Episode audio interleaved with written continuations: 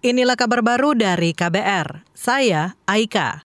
Menteri Keuangan Sri Mulyani mengingatkan kementerian, lembaga negara, dan pemerintah daerah berhati-hati menggunakan anggaran belanja. Sebab hingga kini sejumlah negara maju mengalami inflasi dan lonjakan suku bunga sehingga mempengaruhi perekonomian dunia maka suku bunga itu naiknya bisa mencapai 500 basis poin atau naik 5 persen. Ini suatu biaya dari anggaran yang sangat tinggi. Oleh karena itu, kita harus menggunakan anggaran semakin hati-hati.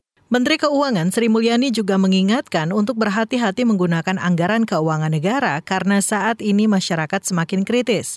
Menurut Menteri Keuangan, kesalahan kecil yang dilakukan dalam membelanjakan anggaran negara bisa langsung berdampak pada kepercayaan publik.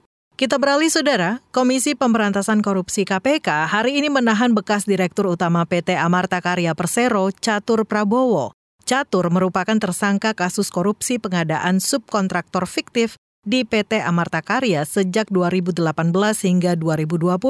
Menurut Wakil Ketua KPK Alexander Marwata, tim penyidik menahan tersangka Catur Prabowo untuk 20 hari pertama terhitung hari ini sampai 5 Juni. Bahwa dalam perkara perkembangan perkara PTAK ini ini menyangkut pekerjaan fiktif, subkon fiktif yang melibatkan dua tersangka yaitu CP dan TS di mana TS ini sudah dilakukan penahanan minggu lalu dan ini adapun modus operandinya diduga bahwa tersangka CP ini telah memerintahkan TS dan pejabat di bagian akuntansi untuk mempersiapkan sejumlah uang yang diperuntukkan bagi kebutuhan pribadi tersangka CP.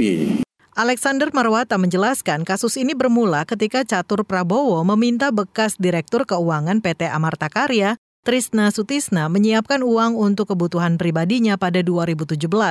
Uang itu berasal dari proyek yang dikerjakan PT Amarta Karya. Akibat perbuatan Catur dan Trisna, negara merugi sekira 46 miliar rupiah.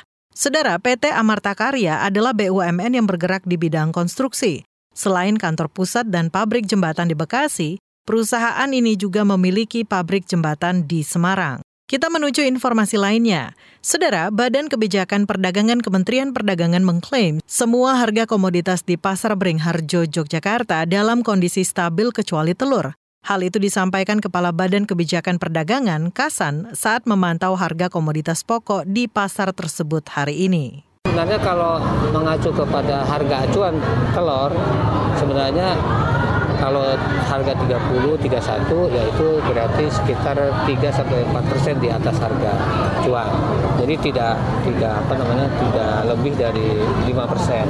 Kepala Badan Kebijakan Perdagangan Kasan menambahkan harga telur naik namun tidak ada kendala dalam pasokan. Berdasarkan situs hargapangan.id hari ini, harga telur ayam tertinggi ada di Maluku yakni 40 ribuan rupiah per kilogram. Demikian kabar baru dari KBR. Saya Aika.